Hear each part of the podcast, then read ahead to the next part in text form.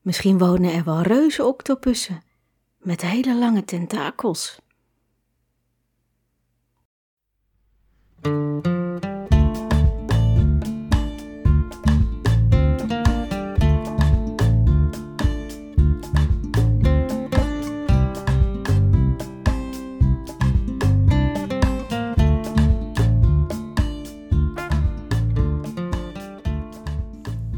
Welkom.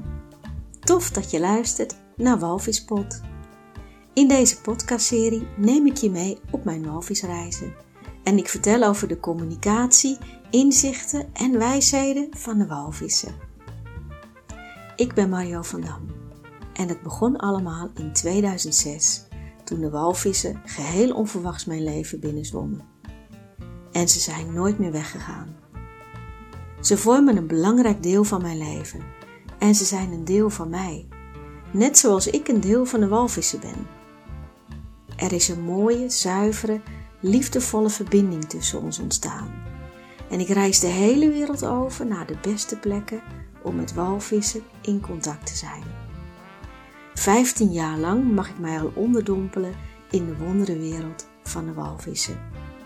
Magische ontmoetingen, avonturen op zee en gesprekken tussen de walvissen en mij. En wanneer ik niet op reis ben, ontmoeten we elkaar over oceanen en landen heen. Wat een prachtig leven. Ja, ik ben absoluut totally in love met de walvissen. Ik heb het altijd voor mezelf gehouden. Slechts gedeeld met een klein clubje mensen die me dierbaar zijn. Maar nu voelt het als het juiste moment om onze verhalen te delen met de rest van de wereld de verhalen van de walvissen en van mij.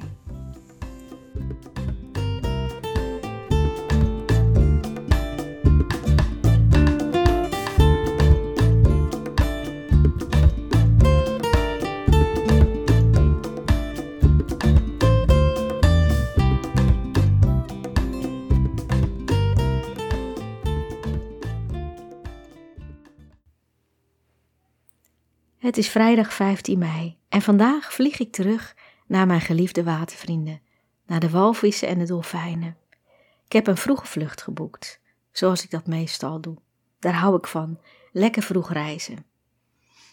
De kinderen gaan opnieuw met me mee naar het vliegveld.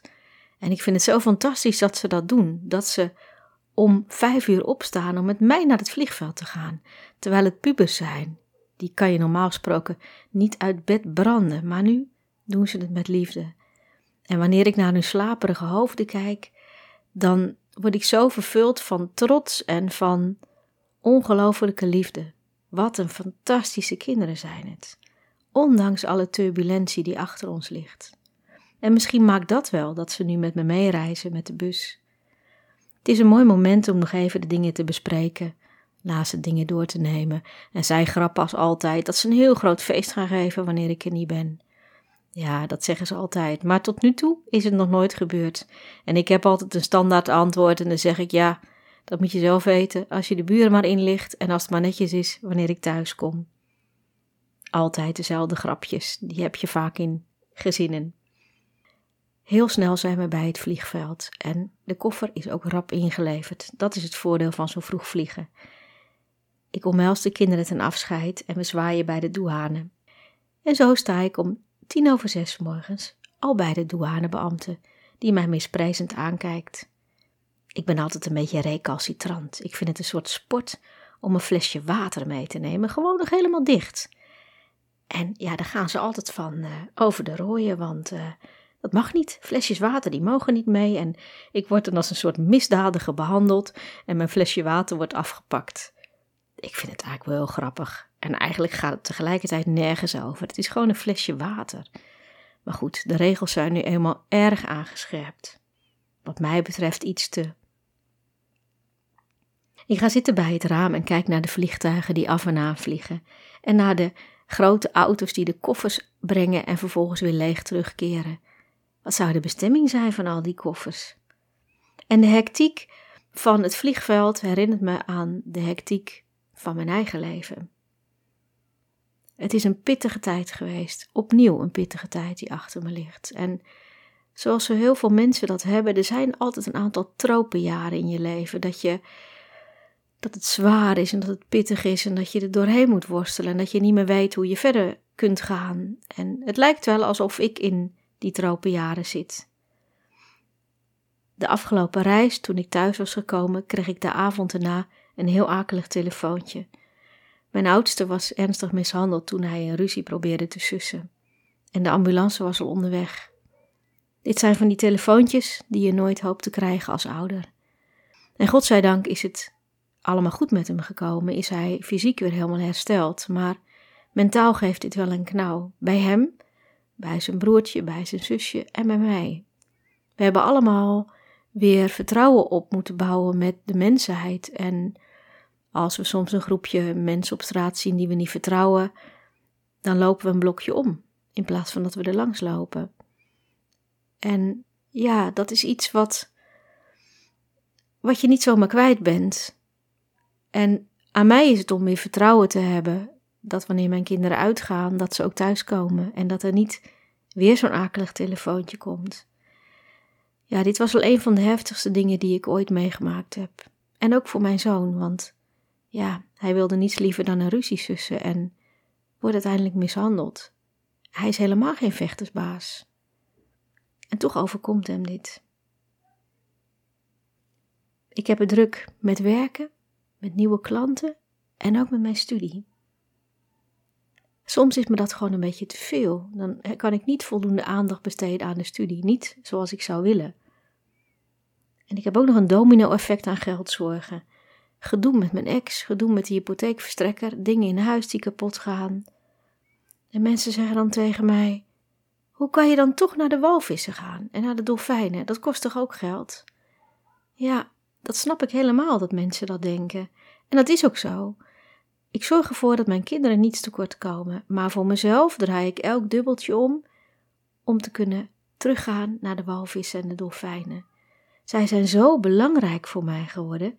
Ik kan niet anders dan terugkeren. En ik ben ervan overtuigd dat de ontmoetingen met de walvissen en de dolfijnen ervoor gezorgd hebben dat het gaat met mij zoals het nu gaat. Dat ik ondanks die heftige situaties en hectische jaren toch overeind blijf en door kan blijven gaan. Na een vlucht met turbulentie en vertraging sta ik tien uur later op het balkon en ik kijk uit over de haven, de oceaan en de rotsen. Zo fijn om hier weer te zijn. Ik pak snel mijn koffer uit en sleep dan vervolgens mijn bed naar de woonkamer. Dit keer deel ik mijn appartement met El. Leuke vrouw, ik heb haar vorig jaar ontmoet en we hebben heel veel lol gehad op de boot. Dus voor ons een prima stap om samen een appartement te delen en dus ook de kosten te delen. Maar samen een slaapkamer delen gaat me iets te ver en ik vind het ook gewoon heel fijn om bij de open deuren van het balkon te slapen en naar de zee te luisteren voordat ik inslaap. En als eerste de zee weer te horen wanneer ik wakker word. Dan ga ik boodschappen doen. Water halen, want het water hier uit de kraan is niet te drinken. En ik sjok de heuvel op om naar de winkel te gaan. Gelukkig ga ik met lege tassen naar boven en met volle tassen naar beneden. Ik sjok nog meer, zo mogelijk nog meer met moeie voeten en ik heb het warm en ik sjok de heuvel af met een rugzak en in iedere hand een zware boodschappentas. Er komt een auto voorbij. Ik werp even een blik opzij en ik denk, hé, hey, dat lijkt K wel. Maar ik besteed er eigenlijk geen aandacht aan en loop gewoon door. Pas vijf meter later dringt het op me door en dan denk ik, huh, was dat K? Dus ik draai me om en ik kijk en dan loopt W vlak achter me met een hele grote grijns op haar gezicht. Was je met een wandelmeditatie bezig? vraagt ze. Ik zeg ja, de, met al die tassen zeker. Ze zegt: uh, Ga je mee een varen? Niet zwemmen, maar gewoon varen en naar de zon kijken. Ja, dolgraag. Snel breng ik mijn boodschappen naar het appartement, mik het met tassen al in de koelkast en ga naar de boot. Wat een feest om weer op de boot te zijn en op het water. En W en K hebben hun twee tackles meegenomen. Een oudere dame en een jonkie. Echt nog een baby. Het is heerlijk om met zowel W en K als de honden op de boot te zijn. Ik hou van honden. Ze hebben dezelfde energie als walvissen, maar dan in het klein. We praten bij, luisteren muziek en kijken naar het water en naar de zon. En ik knuffel uitgebreid met het jonge hondje. De oudere hond staat vooral op de boeg, met, zijn met haar neus in de lucht te kijken van, komen er nog walvis en dolfijnen? En het jonge hondje, het babyhondje, is echt een baby. Die wil heel veel aandacht en vindt het heerlijk om bij mij op schoot te liggen en geaaid te worden en valt daar dan in slaap. Wat een zalig begin van deze reis.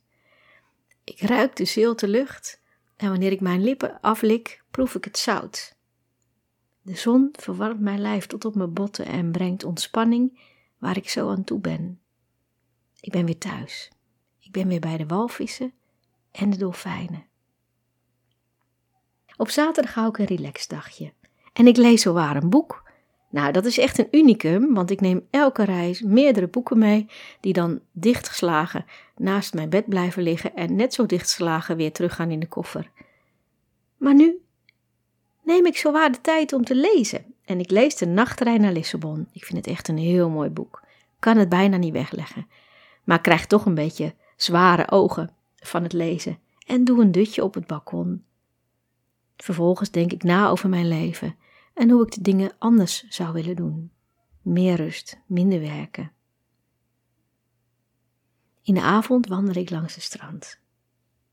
Het is een heerlijke, rustige avond en mijn jurk sleept een beetje door de branding en wordt nat, maar dat maakt me niet uit. Zo fijn om hier te zijn. De rotsen nodigen me uit om te komen zitten. En wanneer ik met mijn rug tegen de zwarte rotsen aan ga zitten, dan voel ik de weldadige warmte die nog opgeslagen is in de rotsen. Naast mij zit een Australische man en we hebben een leuk gesprek. En even later komt er ook nog een vrouw bij. En wanneer ze iets zegt ter begroeting, dan denk ik, ah, die komt uit Nederland. Dus ik zeg dat ook tegen haar. Ben je Nederlandse? Oh, zegt ze, hoe weet je dat? Ik zeg, nou ja, dat accent dat herken je overal. De Australiër blijft nog heel even en gaat dan terug naar zijn appartement. En ik blijf zitten met de vrouw en we praten een hele poos. Ik vind op, oprecht leuk en interessant. En het is altijd zo bijzonder dat wanneer je iemand nog niet kent, nog nooit ontmoet hebt, dat je de meest uiteenlopende gesprekken kan hebben. Er is niets wat je belemmert, je hebt geen geschiedenis, je ziet elkaar misschien nooit meer. Hartstikke leuk om met haar te praten. En zij is opa over haar psychoses die ze gehad heeft, al vier keer. Dat werpt me even terug naar de reis van een aantal keren geleden, waarbij I, die ook aan psychoses leed, in mijn appartement inbrak en hoe ik daarvan schrok. Maar goed, dat zegt niks over deze vrouw. Ik vind haar leuk, maar ook een beetje grenzeloos. En dat is een mooie tegenhanger voor mij. Ik heb nog steeds moeite om de controle los te laten. Ik hou echt van zekerheden, dus zij werkt als een spiegel voor mij, wanneer ze me laat zien hoe zij haar leven leeft en geen grenzen heeft. Hoe mooi zou het zijn als ik daar tussenin uit zou kunnen komen. Rond een uur of elf zeg ik: Het is voor mij echt tijd om te gaan slapen. Ik slaap op het strand, zegt ze. Nou, dat vind ik echt avontuurlijk. Zo warm is het helemaal niet. Nou, lijkt me heel lekker, maar ik ga toch lekker in mijn eigen bedje liggen. Op zondag word ik op tijd wakker en doe een meditatie en yoga op het balkon. Een betere plek voor meditatie en yoga kan je niet hebben. Met het geruis van de zee op de achtergrond. Nog niet heel erg warm, maar wel heel behagelijk. En op mijn dode gemakje doe ik alles waar ik behoefte aan heb. Ik mediteer heel lang. En het gaat hier zoveel makkelijker dan thuis. Er is zoveel minder wat mij afleidt. En wanneer ik na een hele poos mijn ogen open doe, zie ik een kakkerlak kakkerlak ligt op zijn rug. Misschien is hij al dood, maar nee, de pootjes bewegen nog. Nou, dan gaat hij bijna dood. Dan hoef ik er ook niks mee te doen. Ik ga eerst maar even mijn ontbijt maken. En wanneer ik terugkom uit de keuken, zie ik dat de kakkerlak weer overeind gekrabbeld is en heerlijk rondscharrelt op het balkon. Oh jee, wat nu? Ik pak het wasrek en zet het over de kakkerlak heen. het gaat werkelijk helemaal nergens over. Maar dat is het enige wat ik kan bedenken. Alsof die kakkelak zich tegen laat houden door het droogrek. Nou, dan ben je echt wel simpel, hè? Ik wandel toch maar naar de receptie en vertel over de kakkelak. Er komt direct een man met me mee om te spuiten. Hij spuit eerst de kakkelak dood. Ja, daar heb ik toch wel een beetje moeite mee hoor. Ik vind het wel een beetje zielig. Maar ja, ik snap het ook. Je wil niet je hele appartementencomplex vol met kakkelakken hebben.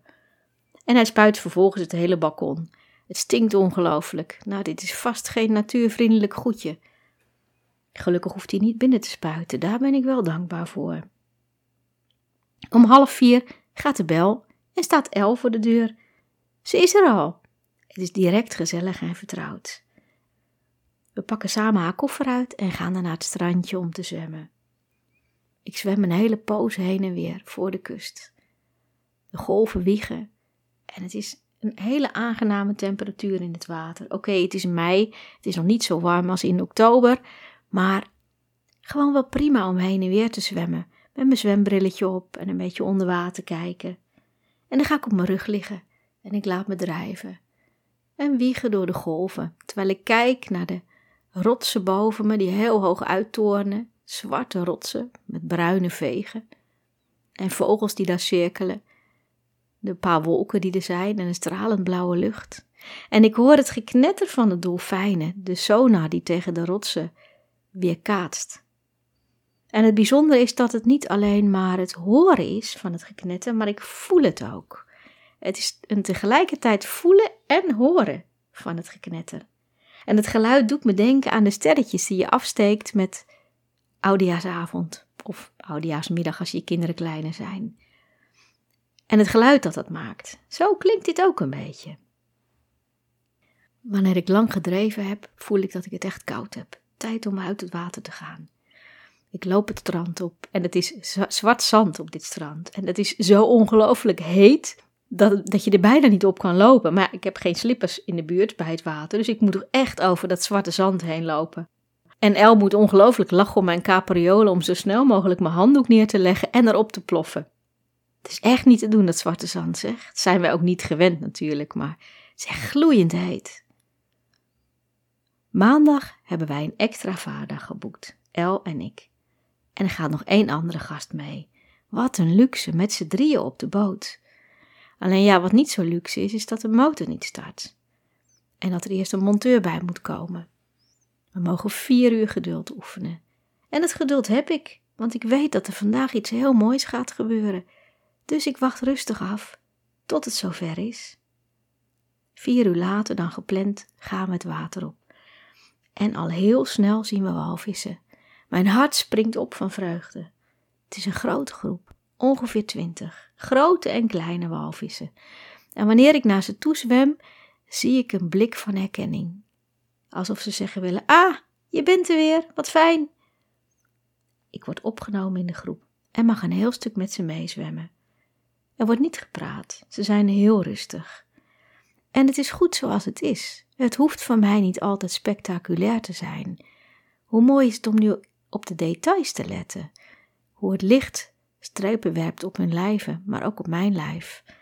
En naar hun ogen te kijken, de bewegingen van hun lijf, de klapjes van hun staart. Allemaal die hele kleine details, die me nu extra opvallen, nu er niet uitgebreid gepraat en geneuried en gedanst wordt. Ook heel mooi om zo tot in die finesses te kijken. En later op de dag ontmoeten we een hele grote groep spotted dolphins. El en ik gaan er samen in. Is een kakofonie van geluiden, geroep, gefluit. En de dolfijnen zijn dol enthousiast. Ze zwemmen om ons heen, dansen, zijn uitdagend, vrolijk, speels. En ze nodigen ons uit om net zo gek mee te doen. En dat is niet moeilijk, want van de energie van dolfijnen word je instant vrolijk en je kan niet anders dan gek meedoen. En ook gekke geluiden maken en ook ondeugend te zijn. We gaan er tot drie keer toe in en alle drie de keren is het een heel intensief contact. Bij de derde zwem ligt El een eindje verderop en lig ik boven een groepje dolfijnen. Ik zie twee hele grote bellen naar boven komen Dolfijnen zijn echte bellenblaaskunstenaars. Ze kunnen elke vorm maken die ze willen. Rond, hartvormig, spiraalvormig, kettingen. Dat kunnen ze allemaal maken. Geen idee hoe ze dat doen, maar dat kunnen ze. En heel langzaam dwarrelen die twee bellen naar boven. En ik lig er rustig naar te kijken en te wachten tot ik ze op kan vangen in mijn handen. Ze te ontvangen als een cadeautje van de dolfijnen. En ineens veranderen de bellen van vorm. Ze gaan razendsnel delen. Allemaal kleine vakjes ontstaan er in die bellen. En ja, het voelt als het delen van een bevruchte eicel. Steeds meer, steeds meer, steeds meer. En nog steeds dwarrelen de bellen naar me toe. En vlak onder me, wanneer ze ter hoogte van mijn buik zijn, poef, knappen ze uit elkaar. En ik voel de kracht van die ontploffing in mijn lijf. Het is natuurlijk maar een klein ontploffingje, maar ik voel het. En de kracht achter die bel verbaast mij.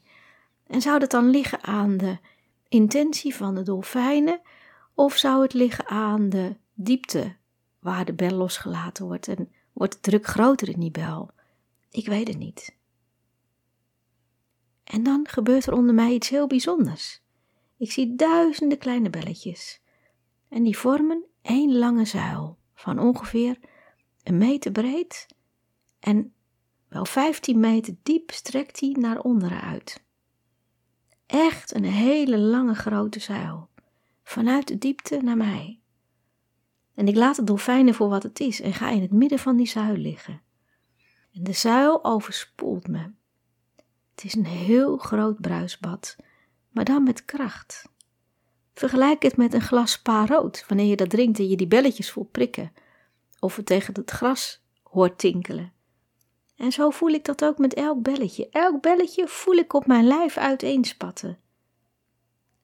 Continu, overal belletjes, pats, pats, pats. En mijn lijf begint van binnenuit te bruisen.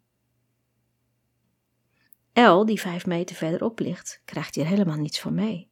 Ze speelt met dolfijnen en ziet geen enkele bel. En dus ook niet die zuil. Hoe bijzonder is dat, dat je zo dicht bij elkaar ligt en zo'n verschillende ervaring hebt. Ik lig nog steeds in die zuil en in mijn lijf voelt het alsof alles bruist van levenslust en levensvreugde. En dat gevoel blijft nog heel lang bij me. En is het nu een cadeau van de dolfijnen of is het een heling? Ik denk het laatste, dat ze echt iets voor mij gedaan hebben. Elke reis heeft een piekmoment. En vaak is dat bij mij de laatste dag. Maar het zou me niets verbazen als dit wel misschien mijn piekmoment is voor deze reis, op de allereerste dag. Na de lunch zien we opnieuw dolfijnen. De oude tackle springt overboord, tussen de dolfijnen in. En de dolfijnen vinden het prachtig en verwelkomen haar met haar gekef in hun groep. Prachtig om te zien hoe zij daar ligt, luid keffend en de dolfijnen die om haar heen zwemmen. Ik vind het ontroerend hoe ze met elkaar spelen en volkomen vertrouwd zijn met elkaar. Wanneer we de hond weer aan boord gehesen hebben, aan het handvat van het reddingsvestje, zien we twee vliegende vissen die voor de boot uit vliegen, zwemmen, vliegen, zwemmen, in het water, uit het water, met een snelheid, nou, die me echt verbaast. En ik kijk opnieuw naar die delicate vleugels die dat lijf van die vis kunnen dragen en boven het water. Het is toch echt een wonder van de natuur, zo'n visvogel of zo'n vogelvis. Even later zien we ook nog een grote mannenwalvis met een klein walvisje. En het voelt voor mij dat hij het kleintje op komt halen na een lange dag spelen en dat het nu echt tijd is om naar huis te gaan, om te gaan rusten. Het kleintje kijkt een paar keer om, maar nee, er mag niet met ons gezwommen worden. Hij moet doorzwemmen van papa. Dinsdag is het onze eerste officiële vaardag. Op het terras nemen we een welkomstborrel en om 11 uur gaan we naar de boot. We varen deze week maar met vijf mensen. Voor WNK betekent dat natuurlijk minder inkomsten, maar ik vind het echt heel prettig om met zo weinig mensen op de boot te zijn. Net buiten de haven zien we een heleboel luie dolfijnen bij de visbakken. Daar gaan we niet mee zwemmen. Dit zijn echt dolfijnen die zich alleen maar vol liggen te eten bij die visbakken waar allerlei voer en restjes vis drijven. Gelukkig vinden we wel een andere groep dolfijnen en we gaan om de beurt met ze spelen. El en ik gaan als laatste. Ze spelen een soort verstoppertje. Zo zijn ze er wel, zo zijn, zijn ze er niet. En wanneer je dan om je heen kijkt van waar zijn ze, zitten ze net aan je andere kant. Dus als ik naar achteren kijk, zijn ze voor ons. En wanneer ik naar voren kijk, zijn ze achter ons. En nou, ze vermaken zich er ongelooflijk mee dat wij de hele tijd aan het omdraaien zijn om te kijken waar ze zijn. En dan ineens hoor ik wee. Wat zegt ze? Wat roept ze nou? Wat? Hé, we moeten direct het water uit. Is er een andere boot dan? Nou, ik zie helemaal niks, geen enkele boot. We zijn de enige op het water. Wat zou er dan aan de hand zijn? El en ik zwemmen snel terug naar de boot. We hebben een enorme spuit gezien en die willen onderzoeken wat het is. Veel groter dan de spuit van een finbeckweel. We klimmen snel aan boord en we varen hard weg. Een heel eind naar buiten varen we. Nog ver voorbij de uitlopen van de rotsen. Maar dat gaat niet. De oceaan is daar te wild. We zien opnieuw de metershoge spuit. Wat is dat voor een walvis? En dan denken we, ja, we moeten toch even terug naar binnen, want het is gewoon te ruw voor de zodiac. Zouden we de walvis dan kwijtraken? We gaan wat verder naar binnen liggen waar het wat rustiger is, binnen de rotsarmen. En we kijken om ons heen. Elke golf denken we dat een vin is. En we denken, zien we nu een spuit? Nee, het is een wolk. En zo blijven we een poosje kijken. En dan ineens, pal naast de boot, komt er een enorme rug omhoog. Met een klein slap vinnetje. Gevolgd door een metershoge staartvin, die gracieus uit het water omhoog komt wanneer de walvis onderduikt. We denken dat dit een potvis is. Die is hier nog nooit gezien. En even later zien we nog een rug. Ze zijn met z'n tweeën. K hangt snel de hydrofoon in het water. Hij heeft de wens om hun geluiden op te vangen. Een potvis maakt een geluid als een mitrailleur, met heel veel decibellen. We varen nog iets verder naar binnen, want de golven worden opnieuw te heftig. Zijn we de potvissen nu kwijt? Maar nee. Ze zijn ons gunstig gezind. Ongeveer 10 meter vanaf de boot komt er een grote vierkante kop omhoog uit het water.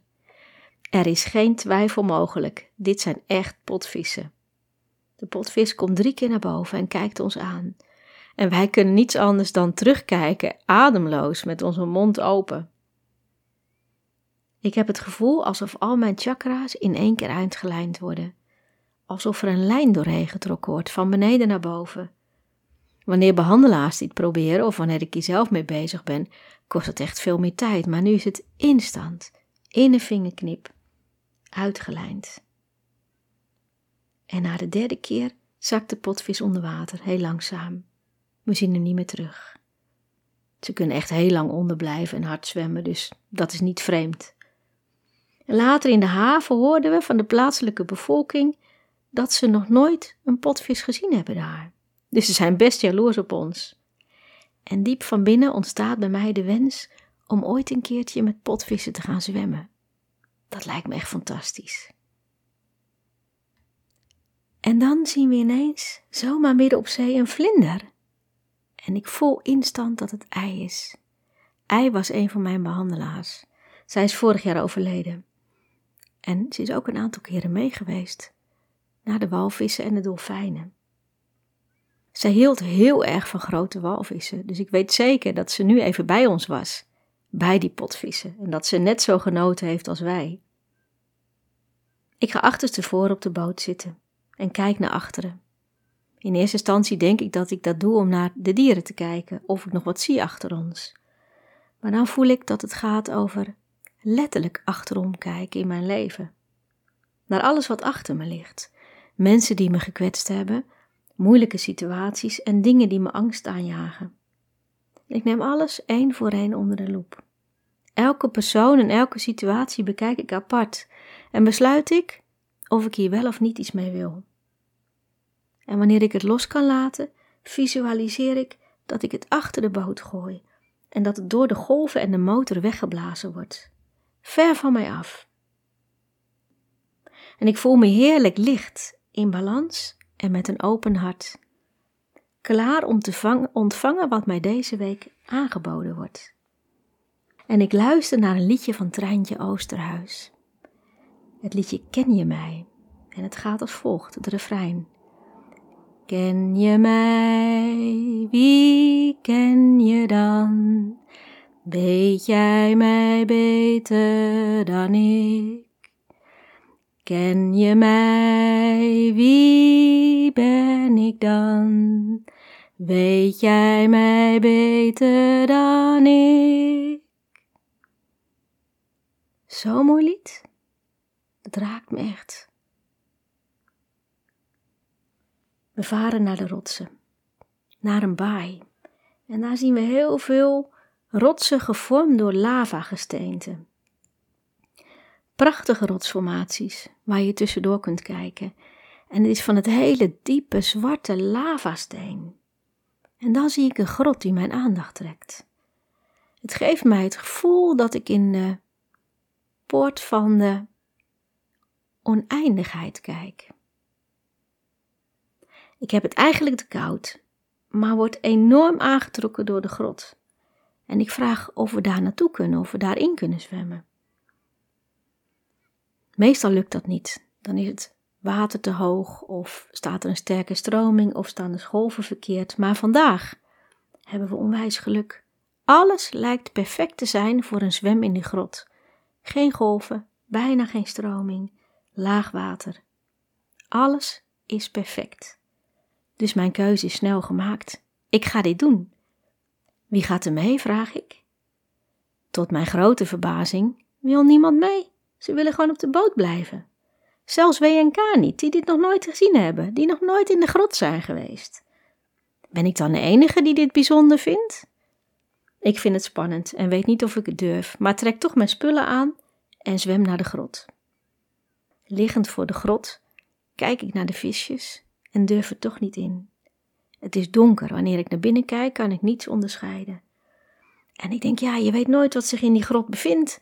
Misschien wel hele grote reuzenoctopussen met uh, enorme tentakels. Brrr, moet er niet aan denken. Ik zwem terug naar de boot en vraagt of er alsjeblieft, alsjeblieft iemand mee wil. Kaas strijkt met zijn hand over zijn hart. Eigenlijk wil hij niet. Hij vindt het water te koud. Maar hij is toch zo lief om mee te gaan. Ka doet er lang over om zijn spullen aan te trekken. Ik zwem heen en weer voor de grot. Ik zie hele mooie vissen, mooie kleuren en een school mini-mini visjes waar ik middenin lig.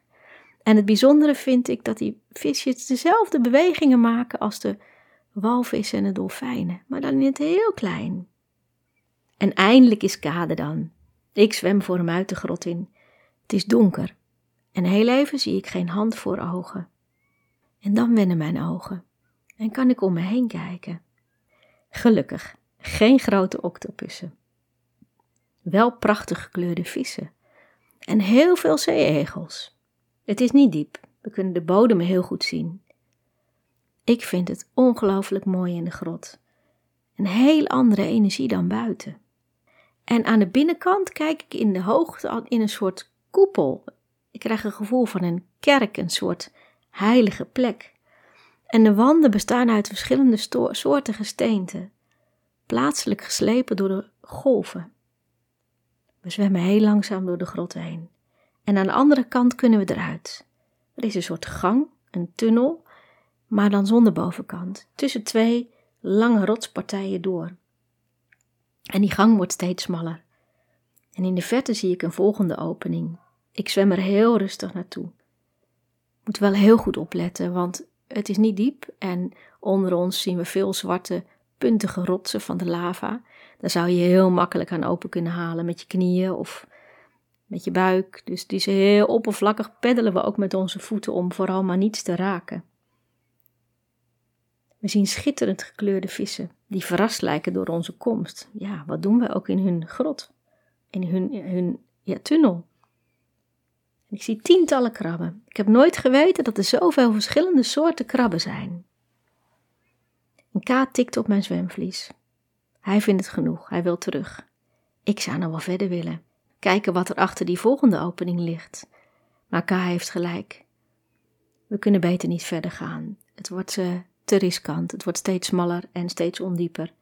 Dus voorzichtig draaien we ons om. En zwemmen we rustig terug naar de grot. Wanneer we de grot binnenzwemmen, zien we daar aan de andere kant de opening, de opening naar zee. En er straalt een onwaarschijnlijk blauw licht naar ons toe. Licht dat licht geeft.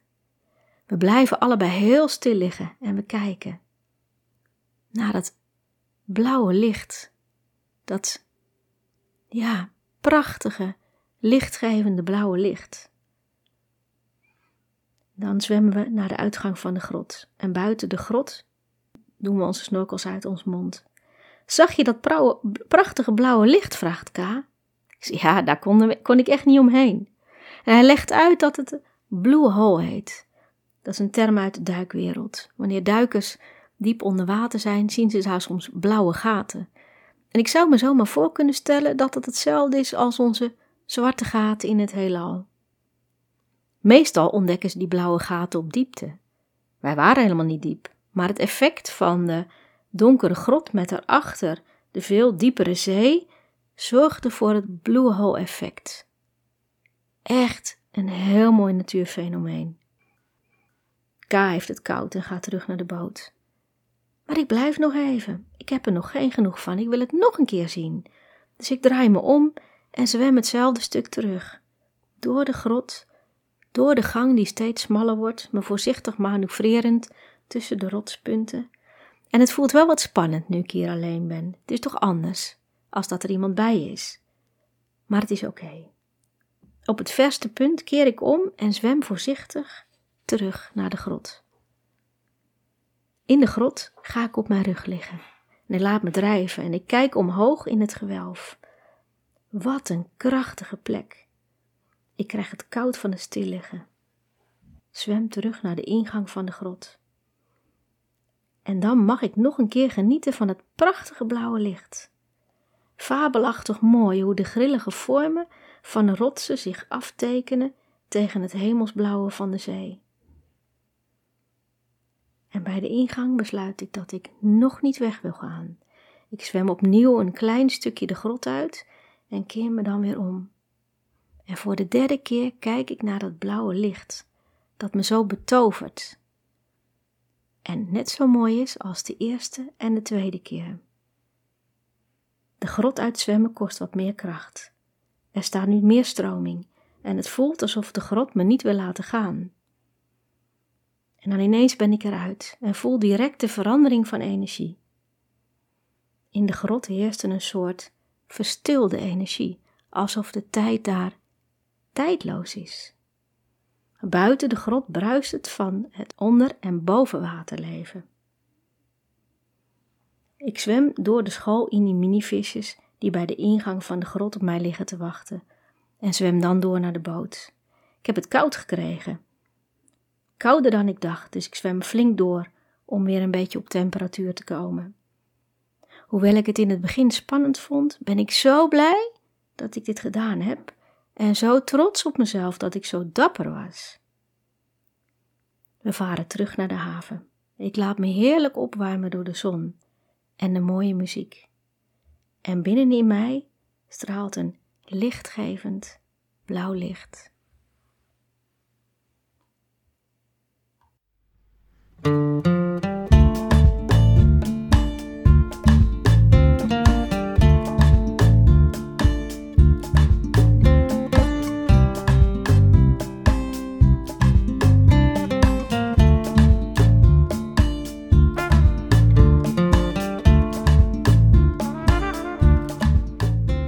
Je hebt geluisterd naar Walvispot. Dankjewel dat je erbij was. In deze aflevering vertelde ik over een droogrek welke ik over de kakkelak heen zette. Hoe ik in een bellenzuil lag en hoe we na het zwemmen in de grot de Blue Hole ontdekten. Een onwaarschijnlijk mooi natuurfenomeen. En zagen we voor de eerste keer twee potvissen. De volgende keer gaat het avontuur verder. Opnieuw met de kakkerlakken, want daar ben ik nog niet vanaf. En zou ik mijn geliefde walvis eindelijk weer een keer terugzien en liefst ook nog mee zwemmen. En maakt een dolfijn avances. Mijn naam is Mario van Dam. Je kunt me vinden op Instagram onder de naam will.woman. Ik heb ook een website willwoman.nl.